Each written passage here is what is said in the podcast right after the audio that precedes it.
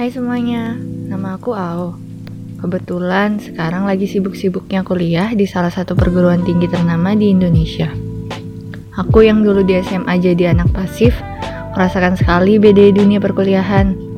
Diriku yang sekarang semester 6 ini, selain jadi mahasiswi biasa, aku atlet fakultas, HRD salah satu asosiasi mahasiswa skala internasional, dan juga salah satu dari deretan pimpinan di himpunan profesi jurusanku.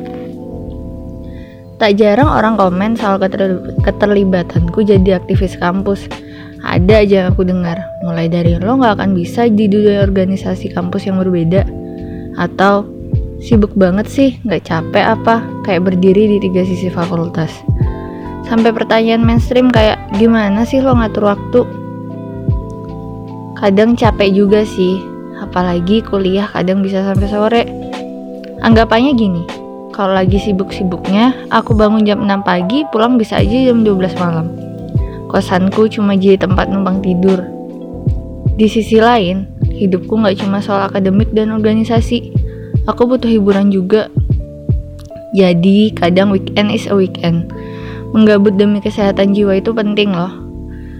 Kata-kata yang selalu ku bilang untuk diriku sendiri.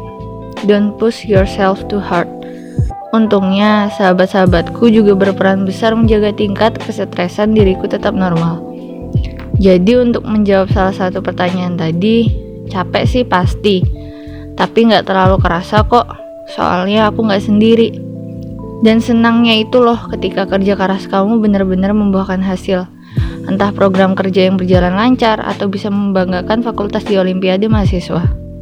As long as you did something right, you're happy with that, dan kamu tanggung jawab dengan apa yang udah diamanahkan ke kamu, why not?